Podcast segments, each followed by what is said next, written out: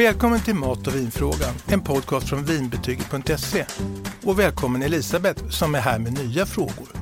Tack Stefan. Dagens fråga handlar om någonting som jag själv faktiskt är väldigt nyfiken på. Men den här frågan kommer från Niklas som vill lära sig lite mer om vita viner. Så här lyder hans fråga. Hej Mat och vinpodden. Jag har svårt att välja vita viner. Jag tror att jag behöver en liten grundkurs som jag kan ha användning för när jag ska handla på systemet eller beställa på restaurang. Vilka viner bör jag känna till? Mm, det här är en jättekul fråga. Och det här om, om man ringar in de riktigt stora vita vinerna, de kända, etablerade, så blir det mycket enklare att välja vin. Och vita viner är intressant för det är ganska gripbart och tydligt. Och jag tror att vi kan ge Niklas ett antal eh, guldkorn så han hittar nya favoritviner. Då tror jag att Niklas blir glad. Men du Stefan, vad har du själv för relation till just vita viner? Mm. Jag tycker inte att röda viner är allt eh, och jag tycker nog att vita viner förtjänar lite mer uppmärksamhet och kärlek än vad de får. Eh, mm. Vita viner hör jag ibland, det är så surt. Och det, det, det, det håller inte jag riktigt med om. Eh, och innan jag började med eh, vinbetyget då, det är ju fyra år sedan, så, så gillade jag vita viner men jag funderade kanske inte så mycket på de olika smakerna och vad det passade till. Och, sen så började jag mer och mer förstå att den här, det här är bra till en fisksoppa och det här som jag berättat om tidigare till Tuskagen så mm. funkar det inte bara vilket vitt som helst eller röding eller krabba och sådär. Och, och sen så det här med fylliga vita viner, alltså att de går till kyckling och kalkon och sånt här. Mm. Och inte minst det vegetariskt som är ju superstort idag. Då är det ju vita viner och gärna lite fylliga. Eh, så jag tycker att det här är, jag är glad för Niklas fråga. Mm. Men går det att ringa in, om du skulle vilja göra det, så här, om du skulle ringa in skillnaden då mellan vita och röda viner? Ja, okej. Okay. Om man skulle göra det jätteenkelt, mm. då skulle jag bara säga att jag tycker vita viner är eleganta, de är friska och så är de ju svala. Så mm. det är en helt annan upplevelse när man tar en klunk. Skulle du kunna säga att det finns några vita viner som är finare än andra? Ja, det där är en fråga beroende på vem du frågar. Alla svarar olika. I vinvärlden så har man ju eh, ofta sitt favoritdistriktområde, appellation eller någonting. Och där är man som en hängiven supporter. Mm. Man älskar liksom sitt lag i vått och torrt och eh, det är ungefär som någon kan bara tänka sig ett visst bilmärke eller vad det nu är för någonting. Och det är samma sak ofta med viner. Bourgogne har sina fans och de byter liksom inte till Bordeaux. De vill inte ens prata om det. Eh, och det här handlar nog inte bara om smak utan jag tror det handlar om att man har en relation till någonting som man kanske har fått ganska i början av sin, sitt vindrickande man blir introducerad av någon entusiastisk person som berättade varmt om det här vinet. Eller man kanske gjorde en resa, var på ett vinslott eller en vingård mm. eller någonting. Och sen så fördjupar man sig i, i det vinet. Sen i, om man tittar i vita vinvärlden så i Frankrike är ju ledande och då Bourgogne är ju, har ju en status och i Bourgogne så finns den lilla appellationen Chablis mm. som har också en Jag status i sig. Och där har man ju klassificeringar. Mm. Där pratar man om Grand Cru-lägen, de druvorna och Premier Cru mm. och sådana byar. Och det gör man inte på, i vita vinvärlden så ofta. Som i röda vinvärlden, där finns det ju där har ju alla skaffat sig klassificeringar mm. på något sätt. Så visst finns det. Men sen handlar det ju här om någonting annat tycker jag med fina viner. Ofta så läser man ju in priset i mm. det här. Det har gjorts tester, bland annat en tysk test i Bonn, där en grupp fick prova eh, tre viner, trodde man. Mm. Och det ena kostade 3 euro, alltså 30 kronor, mm. det andra kostade 6 euro och det tredje kostade 18 euro, alltså ungefär 180 kronor. Mm. Och alla sa det, att det som kostade 18 euro, det var ju bäst och godast. Mm. Det var bara att det var samma vin alla tre. och det här har man även gjort med choklad. Mm. En enkel choklad, en medelfin mm. choklad och sen så den dyra och så är det mm. samma choklad. Så att det, det, vi påverkas av sådana saker. Mm. Sen finns det en annan sak som vi säger att du och jag träffas på en, en uteservering och det är varmt och härligt. Och, jag frågar dig, vill du ha ett glas vin? Ja, tack. Vill du ha ett glas vitt? Ja, gärna, säger mm. Och så kommer jag med det här glaset och du, du, du ser framför dig något krispigt, liksom lätt härligt mm. som nästan lite släcker törsten lite. Mm. Och så får du ett glas fatlagrad chardonnay som mm. är fylligt och har hunnit bli ganska varmt, för jag är mm. ganska långsam från baren till dig. och så säger du bara Blä, det där var mm. inte vad du hade tänkt dig. Mm. Och sen går det till hösten säger vi och så serverar jag det här fina vinet då som kan vara från eh, Bourgogne till en kycklingfilé sån här bjärekyckling med mm. gräddig sås och kantareller och det är potatis som har varit i ugnen mm. jättelänge, sen är helt härligt gyllenbrun. Mm. Och det är samma vin och det är perfekt temperatur. Mm. Och så är det så här, det är godaste jag druckit. Mm. Så det handlar om sammanhang också. Mm. Och det är därför som att man kan inte stirra sig blind tycker jag på vinet i sig. Det är så många saker som spelar in, det är det jag försöker säga, på ett ganska långrandigt sätt. Men det känns som att det pratas mer om röda viner generellt sett än vita. Ja, så tror jag att det är. Och dels är det röda området större i sig. Om du tar på Systembolaget, mm. vårt svenska härliga mamma monopol, mm. där är ju hälften av vinerna, eh, det är hälften så många vita som röda, ungefär. Mm. Och eh, de vita har ju också liksom i länder, i eh, allt möjligt, druvsorter sorter, det är färre på något sätt. Va? Och det är därför som det är lite kul att försöka hjälpa Niklas idag, för vi behöver inte prata om 50 druvsorter mm. för att komma någonstans. På Systembolaget så finns det i det fasta sortimentet, det är det oftast vi brukar tipsa om, mm. så man inte ska behöva beställa, för det kan man göra, men det är lite special. Ofta kanske man vill handla samma dag och, och så. Då finns det ungefär 400 vita viner. 400. Och hur ska man då kunna välja bland de här på ett bra sätt? Ja, som tur är så är det inte 400 olika utan det är druvfamiljer kan man säga där många viner ingår. Så det finns ungefär 120 av druvan chardonnay. Så det är den största familjen, största antalet vita. Och sen finns det då ungefär 80 av druvan sauvignon blanc. Och så finns det ungefär 70 av druvan riesling. Och det är de tre jag tänkte vi skulle berätta för Niklas om. Varför tror du att man gillar ett speciellt vin? Ja, jag tror ju att i vissa fall så har man träffat på en karismatisk ambassadör. Mm. Och jag eh, brukar tänka på, det här har ingenting med vin att göra, det är helt eh, apart egentligen i sammanhanget. Men på Linnégatan så fanns det en hifi-butik som var för hifi-nördar. Och där fanns en ägare som var otroligt karismatisk och skicklig på att, att man kände sig utvald och att de sakerna han sålde, fast de kostade miljoner, de var man tvungen att ha. Mm. Och han hade ett inre rum som där man satt och lyssnade och där fick jag sitta i en fåtölj bakåtlutad och så var det högtalare, jag är 1,90 ungefär, mm. de här högtalarna är längre än vad jag är. Och så viskar han till mig, innan, precis innan han ska dra på äh, musiken. De flesta människor får aldrig höra så här bra ljud i hela sitt liv. Och så drar han på. Va? Och då tänker jag på att om, om du kommer till en vinkännare, en vinälskare, mm. mm. som sätter dig i en stol och det är tända ljus och det är vackert och du vet att den här personen har hur mycket viner som helst. Och han säger, det här är nog ett av mina absolut bästa viner. Och så häller han upp det där till dig. Och så tar du en klunk. Och då vill ju du tro det. Mm, mm än att du är på en restaurang och någon, du säger så här, får jag beställa fem gånger? Och sen så till slut, ah, vad ska du ha då? Jag vill gärna ett glas vin och sen så dröjer det lite så kommer det lite slafsigt det där glaset, inte helt rent och så fjofs på bordet så här.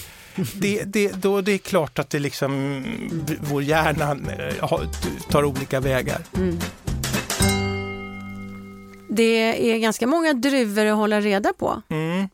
Ja, det här tycker jag själv är lite problematiskt. att det gäller ju på något sätt att se druvan som en slags etikett på vinet, en slags label eller en slags ringa in, en slags liten låda. Det, det finns inte så många andra sätt att, att göra det här på. Och det är inte enkelt att hålla reda på alla druvsorterna. Och dessutom blir det knepigt av att vissa regioner som är då ofta lite äldre, de använder inte druvnamnen på sina viner utan de använder regionens eller appellationens namn.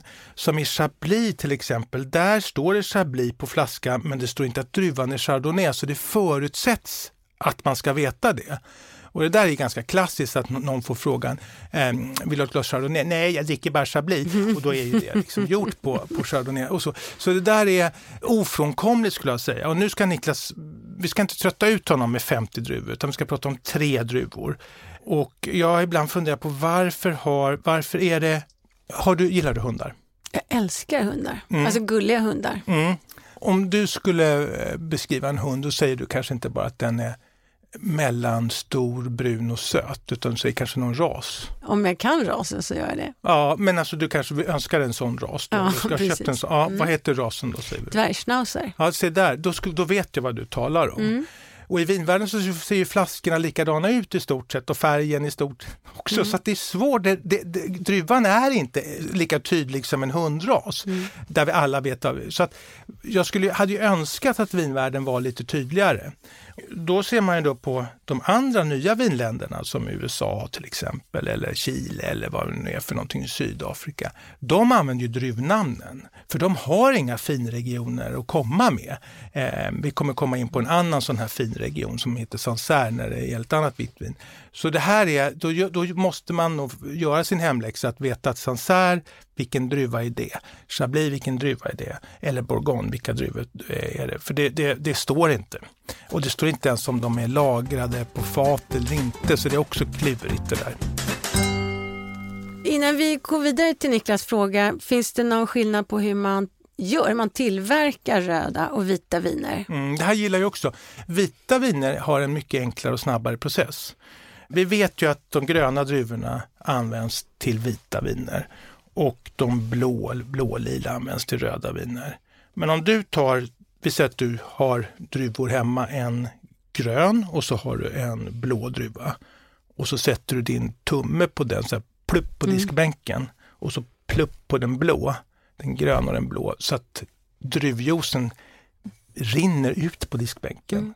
Så har ju den samma färg. Mm. Och då är det ju så att det röda vinet får sin färg av skalet som ligger med. Och där finns det mycket smak och struktur och det som brukar kallas för tanniner. Och de vita, där använder man inte skalet överhuvudtaget. Mhm. Så det, det är ju en skillnad att du har en ren snabb process. Om man går till champagne till exempel, som ju görs utav, kan göras av en blå druva, som Pinot Noir. Där får skalet inte vara med. Där, för då hade ju det blivit mörkt. Va? Det hade ju inte folk gillat. Och så lagrar man inte så mycket och håller inte på så och grejar så mycket som man gör med röda viner. Och det är ofta endruvsviner, det vill säga det är en druva bara. Mm. Det är Riesling eller det är Chardonnay. Visst finns det blandningar men det är väldigt vanligt med de här endruvsvinerna. Nu är det dags att komma tillbaka till Niklas fråga. Vilka vita viner bör han känna till? Mm. Det är ju de här tre stora som jag talat om. Chardonnay, Sauvignon Blanc och Riesling. Och genom att kunna dem och känna till dem, då är han trygg i, varje situation. På vilket systembolag eller vinbutik var som helst i England, Frankrike, Italien, vad det nu är, eller på vilken restaurang som helst. De vinerna kommer att finnas med på vinlistan. Och eh, om vi börjar med den största av dem, Chardonnay, den finns över hela världen. Och den går från enkla bordsviner från till exempel Chile till Chablis, fin Chablis. Jag ska försöka vara lite tydlig. Om du tänker ett träd. Mm. Vi ser att vi har ett vinträd här, Chardonnay. Mm. Så den stora kraftiga grenen på Chardonnay-trädet, det är Frankrike. Och från Frankrike så har du en gren som går ut som heter Bourgogne. Och det är ett ganska stort område. Och på Bourgogne-grenen så finns det en gren till som heter Chablis, så det är en del utav Bourgogne. Men den här franska grenen, den är inte nöjd med det utan den pjuppar ju vidare med en ny som heter Champagne. Och den regionen har Chardonnay som sin huvuddruva nästan. Det finns i de flesta champagner, blended, alltså de som har flera druvor, där ingår självklart Chardonnay. Men den här spännande krispiga champagnen, Blanc de Blanc, den är gjord bara på Chardonnay. Så du hittar ett bordsvin för 59 kronor och du hittar en champagne för 700 kronor. som båda gjorda chardonnay. Så det säger ju en del om den här spännvidden som den här druvan har. Och då om man tittar på skillnaden då. Du gillar ju skaldjur. Mm.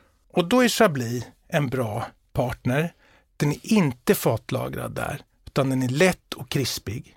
Men så säger vi att du vill ha någonting, en fisksoppa eller någonting annat med lite smak och du är inte sugen på rött. Då kan du också ta Chardonnay men gå till USA där den kanske är fatlagrad och har en helt annan kraft. Chardonnay finns eh, i alla vinproducerande länder, gamla och nya vinvärlden. Det finns. Personligen tycker jag Chardonnay är ett eh, matvin. Eh, det är klart att det är jättegott med ett krispigt glas eh, Chablis, att det klarar sig självt. Eh, och champagne självklart. Men annars de andra tycker jag att det är bra till mat. Men har du några bra tips på Chardonnay som just det är lite olika stil och prisklasser? Vi- Ska vi börja i USA? Mm. Eh, Där de är ju lite märkvärdiga, det vet vi om. De har, här är ett som heter Chateau San Michel Chardonnay. Och det här slottet är från, så, jag kollade upp det, det är från 1978 så det är inte så gammalt. Likväl så är det här ett ypperligt vin. Eh, Det kostar 119 kronor. Och det har, vi brukar prata om numren, det har nummer 6447. Och det här kan ha till grillad fisk, till lax, till fiskgryta och kyckling eh, och sådana saker. Mm. För det har en fyllighet eh, genom sin fatlagring. Så det, eh, och det tycker jag är kul med vita fylliga viner, att det inte alltid ska vara ett rött. Eh, sen vill vi ju gå då till eh, det här Chablis som jag har tjatat lite om. Mm. Och där finns ju sin ranking. Och eftersom Niklas ska få ett instegsvin, tycker jag, Mm. så blir det en Petit Chablis. Det är den kategorin som är kanske lite enklast, men likväl fantastisk. Och den här heter Petit Chablis och den är gjord av en grupp som heter La Chablisienne. Och den kostar 139 kronor, så det är också pris. Det är inte liksom några höga priser det här. Och den har nummer 5585. Och den är ju då inte fatlagad och fisk, så det är en motpol till det andra. Okej, då var det den stora druvan Chardonnay. Nästa du sa, var inte det Sauvignon Blanc? Jo, och det finns det också ganska gott om på Systembolaget. Eh, och Sauvignon Blanc är en, eh, vi tar också ett träd här, Mm. så den stora grenen här, eh, den är fransk det, det, och då kommer de från Bordeaux, men väldigt ofta från Loire. Och förr fanns det en sån här klassiker på Systembolaget, den hette helt enkelt Val de Loire. Mm, den kommer jag ihåg. Ja, storsäljare. Och i Loire så kommer det en, en egen liten gren, en märkvärdig gren då som heter Sancerre. Och så bredvid Sancerre så finns det en annan eh, kompis där som heter Puy Fumé som också är ansedda. Och det är Niklas som han ska liksom få lite kläm på de här, han vill ju, bör man känna till. Mm. Chablis har han nu skrivit upp hoppas jag. Och jag hoppas att han skriver upp när det gäller Sauvignon Blanc, druvan Sauvignon Blanc, att där så finns det då sådana som är gjorda i Sancerre och på Ifumé. Och det ser han på priset, för de här ligger högre än vanliga eh, Sauvignon Blanc. Och de här är ju då eleganta och syrliga. Och priserna kan man säga, de ligger från under 100 kronor uppåt till 300-400 kronor max då från Sancerre ungefär. Och motpolen till det här, det är nya vinvärlden, det är Nya Zeeland. Och de började göra viner av Sauvignon Blanc och fick det här vinet att bli, liksom, få en renässans. De gör en annan typ av smakmässigt, den är lite gräsigare, eh, lite örtigare kan man säga. Båda de här är goda till skaldjur, men man ska tänka på att det är så, eftersom de är syrliga så ska man gärna, kan man ha lite citron på sin, vad det nu är, eh, hummer, krabba eller vad det nu är, så passar det ännu bättre till det här. Och den klassiska kombinationen, det är ju om du har eh, en sån sär, eller ett, det kan vara från en annan del utav Loire, det behöver inte vara därifrån. Det är ju att du har till chèvre. Och osten chèvre, getosten, den kom ju från Loire. Så det, de är liksom uppväxta tillsammans. Smakkompisar. Jag tycker en bra kombination, det är ju rödbetor med chèvre och Sauvignon Blanc. Och vill man slå på stort så tar man då en Sauvignon Blanc som heter Sancerre ost och vitt vin. Men du, har du något tips på någon Sauvignon Blanc? Jag blev lite sugen på sånt här, så gärna ett sånt här tips. Jag tror att vi tar och börjar med din önskemål. Jag vill alltid göra så att du blir glad, Elisabeth. Vi börjar eh, med en eh, Sancerre som heter Le Piri. Och den kostar ganska mycket, men det tycker du att det är värt. Den kostar 179 och den har nummer 2259. Och den är jättefrisk och elegant. Och den, om du gillar Sauvignon Blanc då vet, och Sancerre, då vet du att det är gott som drink också. Mm. Ypperligt. Så den tycker jag du kan anteckna, 22,59, 179 kronor. Om vi säger att du ska ha många på, på middag och tycker att du kanske vill gå ner lite i pris. Då kan du ta från Nya Zeeland tycker jag. Det är en annan pigg variant. Eh, och den här är ganska torr och härlig. Den här är stilbildad, den heter Hunters. De har varit duktiga pionjärer och gjort en Sauvignon Blanc som inte är så extrem. Som visst, det finns ju vissa eh, nyzeeländska Sauvignon Blanc som är extremt liksom, gräsiga. Den här är lime och frisk utan så mycket sånt. Det är lite frukt sådär, lite tropiska frukter. Mm. Fisk, skaldjur, ost, jättebra. 119 kronor. Härligt pris och ett fint nummer, 6202. Jag tycker väldigt mycket om Tyskland, det är där ganska ofta. Och den sista av den här trion av druvsorter som du nämnde var ju Riesling, så mm. vad kan du berätta om det? Mm. Då är det ju precis som du är inne på, det är ju Riesling det och tyska, det är där man i första hand tänker. Så om vi har ett Rieslingträd mm. så är den stora grenen, den, den, det är, den är, sträcker ut till den tyska grenen. Och där har du då några undergrenar på den. Då. Du har Pfalz som gör fina rislingar, Mosel och Rheingau. Och Mosel, där kan de vara allt från torra till lite halvsöta. Och det här har vi pratat om tidigare också, mm. det är ingenting man ska oroa sig för. För de här är så fruktiga så det känner man inte. Det här kan snarare vara en smakbrygga. Men det finns ju andra områden som också gör det. Eh, och i Frankrike så brukar man prata mycket om Alsace. Och de är som regel knastertorra, de rislingarna. Alsace är ett sånt där stackars område som har varit eh, tyskt och franskt om vartannat eh, och bytt och sådär. Så det, det är väl, ja, därför kanske av traditionen. Sen hittar du också i Österrike och så vidare. Men, men det är inte alls lika utbrett som Chardonnay. Och de sträcker sig från, som någon säger så här till dig, jag tycker det är för sött med Riesling. Då kan du säga, nej det finns utmärkt torra, mindre än 3 gram socker per liter. Mm. Vilket det gör. Så att det där är en myt skulle jag vilja säga. De här brukar inte fatlagras. Det gör också att de har en slags lätthet. Eh, och de finns i alla prislägen tycker jag. För under 100 kronor upp till 600 kronor hittar man på Systembolaget. Och man brukar säga att Riesling är sommeliernas favorit. Och det tror jag har att göra med att de är matvänliga till knepiga rätter.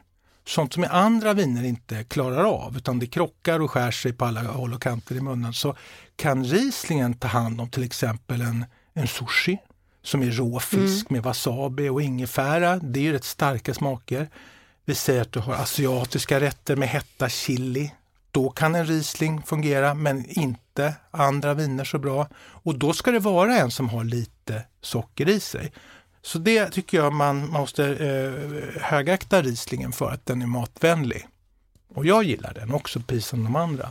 Nu blir jag lite hungrig här och tänkte eh, ta någonting som är lite starkare. Har du några bra tips på en Riesling? Nu föredrar ju jag ändå kanske en torr variant med lite sötma. Mm. Men om vi säger så här att du har riktigt heta smaker. Du har gjort en sallad med räkor, med chili och mango. Mm. Mango är också svårmatchat, va? frukt och vin här går inte ihop. Då tycker jag att du kan kika på en som heter Dr. L Riesling. Den kostar 99 kronor och eh, den är från Mosel. Och den har den här lilla restsötman som fixar din, eh, din sallad där med alla de här eh, starka chiliräkorna och det. Så det, det skulle jag föreslå. Och vill du ha en torrare då kan du ju gå på en annan tysk Riesling från Rheingau. Den heter George Breuer. Eller Jorg Breuer heter den egentligen, det är lite, så ska det väl uttalas. Och det är eh, en eh, vinmakare som heter Teresa Breuer, som var hennes farfar som startade mm. det här. Och hon är i 35-årsåldern och har fullkomligt lyft den här vinproducenten väldigt strångt. Ja, jättekul. Och där finns också svenska vinmakare som jobbar hos henne.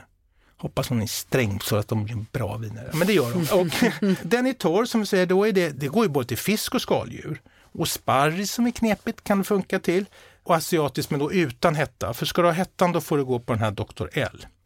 Sa vi vad Dr. L hade för nummer? Nej. 7218. Mm. Men det visste du kanske? Det hade jag ju koll på. Ja, jag vet. Men eh, Georg Breuer Riesling Sauvage heter den, ännu märkvärdigare. Den har nummer 5899. Och de här är unga viner. Det är 2019 årgång på de här. Och de ska drickas unga. Och Det är också otroligt vackert i de här områdena kan jag tipsa om som ett resmål. Mm, berätta var? Eh, Pfalz och även eh, utanför Frankfurt där Rheingau kommer fram och ner mot Pfalz har jag varit och rest ganska mycket på mm. vingårdarna där. Mm. På Gen våren, alla all sparris. Jag var på en restaurang där vi åt sparris i alla rätter från förrätt till efterrätt. Kul! Det är en delikatess verkligen. Sen kan, tycker jag att det är intressant det här med vingårdar, att det är ju ofta harmoniska, vackra Säkra platser. Mm. Och det går inte att liksom stressa fram viner. Utan de som driver det här, det finns nog, ofta tycker jag i alla fall på mindre vingårdar så finns det väl jätteindustrier, men det finns en slags harmoni och lugn och det mm. vinmakaren ofta är ju en behaglig och trevlig person. Mm. Och jag tror att de jobbar hårdare än några andra. Liksom det är upp på morgonen och mm. sent på kvällen. Så det har jag sett på när man har besökt att det är ju hängivna entusiaster. Mm. Det är inga som liksom sitter och rullar tummarna och tror att de här vinerna sköter sig själva. Även om det här var en minikurs om vita viner, skulle du kunna göra en summering för Niklas? Mm. Niklas, om du provar Chardonnay, lägg den på minnet om du gillar den. Sen om den kommer och vad du åt till den här Chardonnayen, anteckna det att det var Eh, den var från USA och då åt den till en grillad lax, och det var jättebra. Eller att du kanske eh, blir bjuden på en eh, chablis som var fantastisk till eh, ostron eller till några andra skaldjur. Lägg det på minnet och anteckna, för vi, det, vi, vi är duktiga på att anteckna tv-serier och vad man kan hitta eh, ditten och datt. Men däremot så det här med viner, det passerar ofta och då, då börjar man från ruta noll varje gång. Sen kan det ju vara så att du känner att Chardonnay var ju gott men kanske inte optimalt. Och då kan vi gå till nästa då. Vi säger att du testar Sauvignon Blanc som är den pigga druvan. Som också går till drink. det är som att den är den lättaste av de här tre. Och där så finns ju då två ytterligheter. Dels de från Finsansär. Sen har du då Nya Zeeland som är duktiga på att göra en en jättekrispig, lite gräsig, limig Sauvignon Blanc. Och det, det får man också prova sig fram och vad man äter till och vad man passar. Till sist så har vi då Rieslingen som är den här matvänliga tror jag berättade något avsnitt när jag var ställd över det här med toast Skagen. Mm. Jag fick reda på att då var det en Riesling som löste gåtan mm. med det är löjrom, det är crème fraîche, det är dill, det är räkor, eh, det är massor med smaker som konkurrerar, det är mami och allt det här. Och då var det Rieslingen. Fjupp så satt mm. den.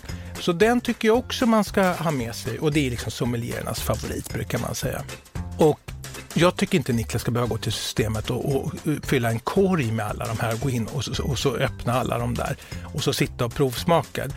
Utan snarare beta av lite grann och lägg på minnet vad du gillar. Och sen nästa gång du eh, ska handla, eh, resa, vad det nu är, så har du en liten minnesbank. Så tycker jag. Och tänk på att de här finns i alla prisklasser nästan. De här vi har räknat upp nu, de ligger hyggligt runt 100 till 200. Och, och vi kommer också ange dem på hemsidan om man vill kika efteråt. Så då återstår bara att säga önska Niklas lycka till i upptäckandet av vita viner. Mm, tack för din fråga Niklas och tack alla som har lyssnat. Mm. Vi hörs snart. Tack och hej. Har du frågor om mat och vin? Alla frågor är välkomna. Maila till mig på stefanvinbetyget.se